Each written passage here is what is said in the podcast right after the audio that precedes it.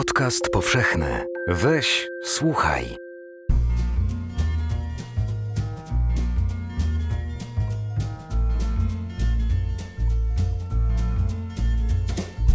W języku angielskim brakuje słów, którymi można opisać uczucie towarzyszące nam, gdy próbujemy zbliżyć się do osoby z innego świata i nasze zainteresowanie spotyka się z życzliwym przyjęciem. Rodzi się szczególnego rodzaju wzajemność. Cóż za wspaniały dar. Czujemy wdzięczność, podziw, uznanie, mogłabym użyć każdego z tych określeń i trudno mi między nimi wybrać. Myślę, że potrzebujemy jednak specjalnego słowa, któremu powinniśmy dać honorowe miejsce w naszym słowniku, by uzupełnić brakujący klawisz w kulturowym fortepianie anglojęzycznego świata. Polaryzacja społeczeństwa i coraz bardziej widoczny fakt, że się po prostu nawzajem nie znamy, sprawiają, że zbyt często poprzestajemy na niechęci i pogardzie. Moje pierwsze doświadczenia z nawiązywaniem kontaktów z osobami z zupełnie innego świata sięgają czasów, gdy byłam córeczką dyplomaty. W dzieciństwie uważałam, że zaprzyjaźnianie się z mieszkańcami tych wszystkich krajów, do których zawiodła nas praca taty, jest moją misją. Rozmawianie z ludźmi, którzy mówili, ubierali się, chodzili, wyglądali i modlili się inaczej niż my, traktowałam jak powierzone mi zadanie. Czy mój ojciec rzeczywiście mnie o to prosił?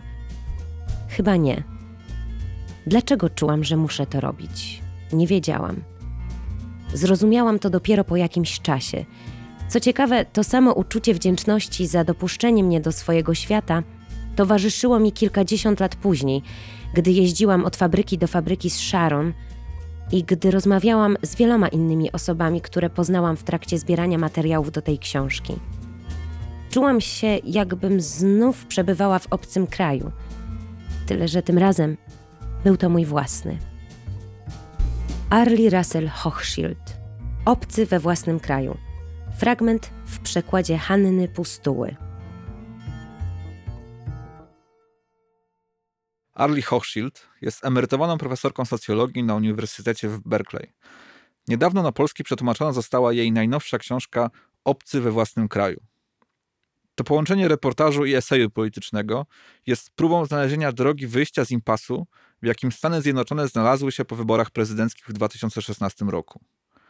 Polaryzacja sceny politycznej, ale i samego społeczeństwa chyba nigdy nie była tak silna. Liberalno-lewicowa klasa średnia i intelektualiści ze wschodniego i zachodniego wybrzeża zamknęli się w swojej bańce wypełnionej frustracją i niedowierzaniem, podczas gdy konserwatywne południe i środkowy zachód radykalizuje się w swojej niechęci wobec pozostałych obywateli. Hochschild, w oczywisty sposób przedstawicielka tej grupy, zamiast eskalować ten konflikt, postanowiła zacząć budować mosty. Tym celu udała się do najbardziej konserwatywnego ze Stanów, czyli Luizjany, aby tam, wsłuchując się w pojedyncze historie, rozpocząć tak niezbędny dla obu stron dialog. Współczesna polityka potrzebuje chyba nowego języka, czego najlepszym przykładem jest pani książka Obcy we własnym kraju, właśnie wydana w Polsce. It requires us to uh, step back first before we step forward. Aby odpowiedzieć na to pytanie, muszę zrobić krok wstecz. Otóż znaczna część komunikacji pomiędzy klasami społecznymi w różnych regionach świata dotyczy wyłącznie ustawodawstwa oraz wartości. Niestety pomija się kwestię empatii. Nikt nie próbuje zrozumieć, co znaczy dla innych czuć się respektowanym lub czuć się urażonym. Dlatego tego typu dyskusje są w zasadzie bezużyteczne. Albo debatujemy w sposób bardzo racjonalny, albo obrażamy się nawzajem, a tego typu pyskówki lubią się mścić. Ustawodawstwo jest suche i beznamiętne. Oczywiście docelowo ma istotne znaczenie, ale dyskusje na jego temat powinny być poprzedzone poznaniem ludzi, których ma dotyczyć. Oczywiście mamy wiele pozytywnych przykładów współpracy klasowej, ale jeśli weźmiemy pod lupę wykształconych i kosmopolitycznych mieszkańców amerykańskiego wybrzeża, to okaże się, że są pełni uprzedzeń względem osób będących dwie klasy społeczne niżej od nich.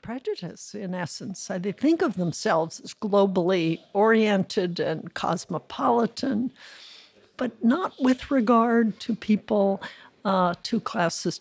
So that has to change.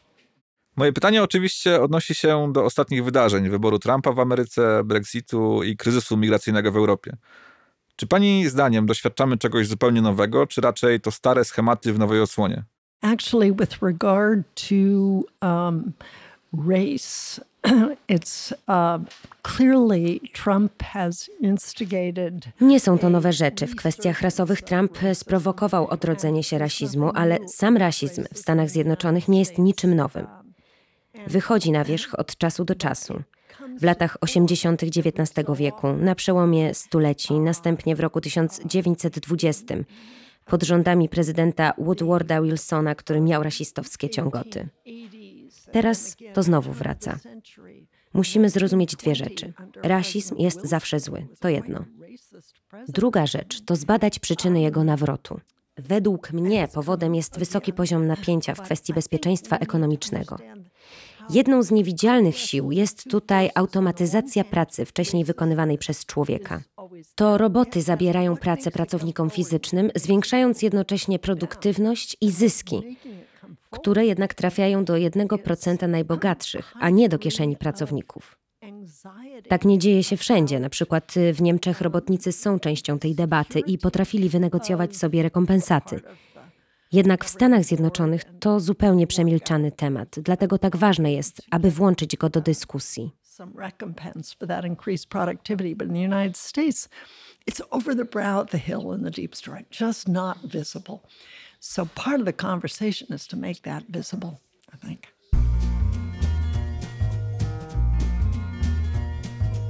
Gdybym miała napisać list do przyjaciela z liberalnej lewicy, brzmiałby on tak. Dlaczego nie poznasz jakichś ludzi spoza własnej politycznej bańki? Zapomnij o Ayn Rand. Jest ich guru, ale nie spotkasz ani jednej osoby aż tak samolubnej, jak mógłbyś oczekiwać po lekturze jej książki. Prawdopodobnie poznasz wspaniałych ludzi, od których będziesz mógł się wiele nauczyć na temat mocnych więzi społecznych, siły charakteru i odporności na przeciwności losu. Pewnie przypuszczasz, że potężni gracze, którzy dla własnej korzyści materialnej mobilizują szeregowych zwolenników prawicy, łapią ich, odwołują się do ciemnej strony ich natury chciwości, egoizmu, nietolerancji rasowej, homofobii i niechęci do finansowania ze swoich podatków zasiłków dla potrzebujących. Jak widziałam na wiecu wyborczym Trumpa w Nowym Orleanie, częściowo rzeczywiście tak jest. Przesłania to jednak fakt, że jednocześnie odwołują się do jasnej strony ich natury. Umiejętności cierpliwego czekania w kolejce w trudnych ekonomicznie czasach, lojalności, gotowości do ponoszenia ofiar, wytrzymałości, przymiotów, o których opowiada głęboka historia. Rozważ, czy gdybyś był na ich miejscu, nie myślałbyś trochę podobnie. Arlie Russell Hochschild Obcy we własnym kraju. Fragment w przekładzie Hanny Pustuły.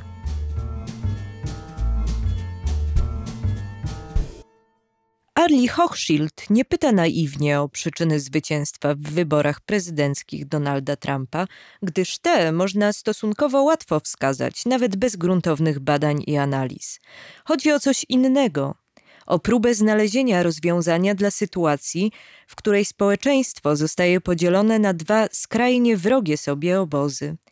To pogłębiające się pęknięcie uniemożliwia jakąkolwiek komunikację, a w konsekwencji paraliżuje życie polityczne. Nie chodzi tu jednak o przekonanie kogokolwiek do swoich racji, ale o przywrócenie tej minimalnej dawki empatii i nadziei, bez których grozi nam katastrofa. Bez wątpienia problem, o którym pisze Hochschild, brzmi w Polsce bardzo znajomo. Tym bardziej warto przyjrzeć się bliżej nieoczywistym pomysłom i rozwiązaniom amerykańskiej socjolożki. Kim zatem są obcy, którzy pojawiają się w tytule pani książki?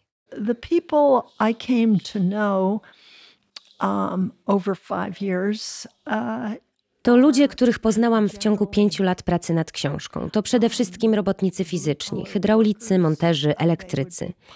Niektórzy mają wyższe wykształcenie w swoim fachu, jednak ich rodzice z pewnością go nie mają. Dlatego edukacja jest tutaj kluczowym tematem, ważniejszym nawet niż dochody. Większość z nich żyje na południu Ameryki, dlatego wybrałam ten region. Tam prawica polityczna ma największe wsparcie, które wciąż prężnie się rozwija.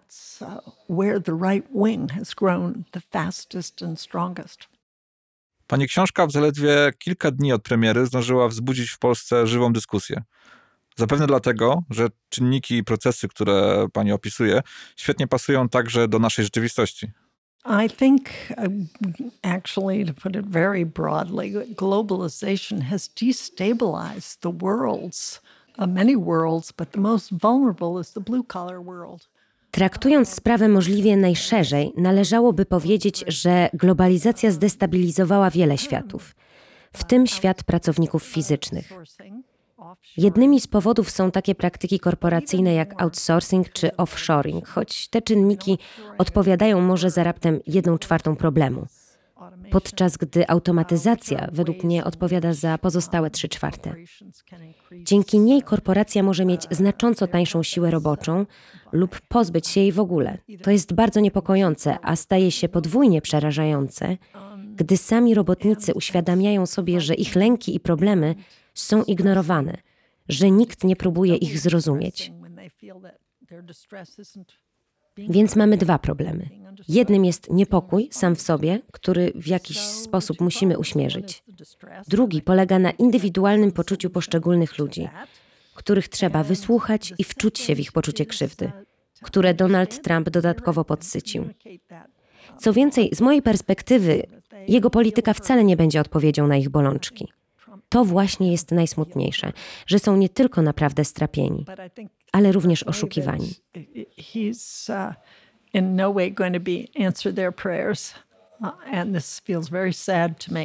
I think they have real grievances, and but they're um, being misled. Świat obecnie chyba cierpi na brak optymizmu. Czy pani patrzy w przyszłość z nadzieją? Proszę wybaczyć to naiwne pytanie. It's very important to have hope, and actually, apart from the pragmatism of hope, I actually am hopeful. To bardzo dobre i wcale nie naiwne pytanie. Kluczowe w życiu jest, aby mieć nadzieję, pomijając już nawet wszystkie jej pragmatyczne aspekty. Ja z pewnością ją mam, co oczywiście nie oznacza, że wierzę, iż rozwiązania problemów pojawią się same z siebie. Sądzę, że powszechna mobilizacja i zjednoczenie wszystkich stron, które nie są prawicą, jest potrzebna. W Stanach działa William Barber, czarnoskóry pastor, który podąża ścieżką podobną do Martina Luthera Kinga. Często podnosi tematy rasowe, czy też związane z klasami społecznymi i konfliktami. To bardzo barwna postać. Często powtarza: Jestem czarny, jestem biały i jestem rdzennym Amerykaninem, przez co w żartobliwy sposób łączy w sobie wszystkie te elementy. Zazwyczaj kończy nabożeństwo, prosząc ludzi, aby zwrócili się do osoby obok słowami: Nie jestem w depresji.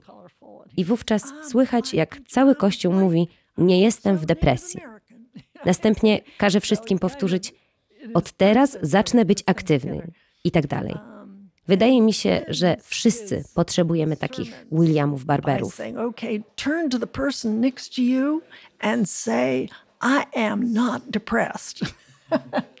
And then you hear the, the, his congregation say, I am not depressed. And now say, I will get active. I will get active. So I think we actually all need a little Reverend Barber in our lives.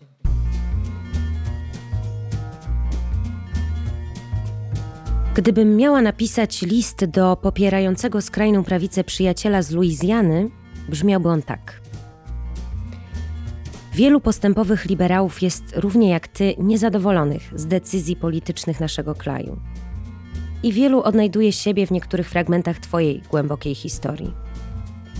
Biała 60-letnia nauczycielka ze szkoły podstawowej w San Francisco powiedziała mi: Mam liberalne poglądy, ale dobrze rozumiem ten kawałek o czekaniu w kolejce. Wiem, jakie stawiacie sobie cele. Kwitnąca społeczność lokalna, pełne zatrudnienie, godne warunki pracy, wolność. Ale czy programy polityczne, które popieracie, naprawdę pomogą wam je osiągnąć? To oczywiste, że chcecie mieć dobrą pracę i przyzwoicie zarabiać. Pewnie wam się to nie spodoba, ale jeśli chodzi o pracę, w przeszłości demokraci zawsze byli lepsi od republikanów. Zresztą różnice między obiema partiami nie są bynajmniej oczywiste. Demokrata Bill Clinton zapoczątkował epokę deregulacji, zwykle popieranej przez prawicę, a republikanin Richard Nixon wprowadził pierwsze przepisy ochrony środowiska, obecnie postulowane przez lewicowców. Kiedy lepiej poznasz orędowników postępu, zobaczysz, że mają swoją własną, głęboką historię. analogiczną do waszej i czują, że jej nie rozumiecie. W tej historii ludzie stoją wokół wielkiego publicznego placu, na którym znajdują muzea z ciekawymi ekspozycjami edukacyjnymi dla dzieci, finansowane ze środków publicznych programy artystyczne i teatry, biblioteki, szkoły, dostępna dla ogółu najwyższej klasy infrastruktura społeczna. Są z niej niesamowicie dumni. Niektórzy z nich uczestniczyli w jej budowaniu. Osoby z zewnątrz mogą przyłączać się do ludzi na placu, ponieważ wielu z tych, którzy teraz na nim stoją, też kiedyś przybyło z zewnątrz. Przyłączanie się i akceptowanie różnic uważają za tradycyjne amerykańskie wartości, symbolizowane przez statuę wolności. Prawica nie rozumie bezbrzeżnej dumy liberałów z inteligentnie zaprojektowanej, zbudowanej ogromnym nakładem pracy sfery publicznej jako siły integrującej amerykańskie społeczeństwo. Może macie ze sobą więcej wspólnego niż ci się wydaje. Jak na ironię bowiem, zwolennicy lewicy też często czują się obcy we własnym kraju. Arlie Russell Hochschild. Obcy we własnym kraju. Fragment w przekładzie Hanny Pustuły.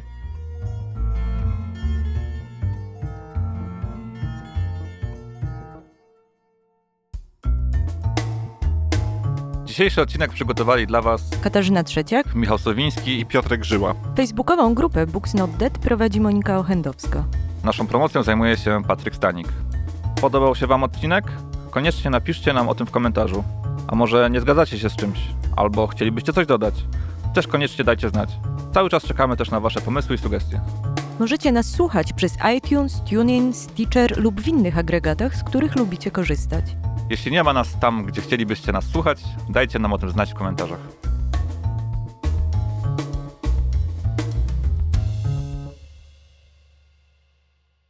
Podcast powszechny.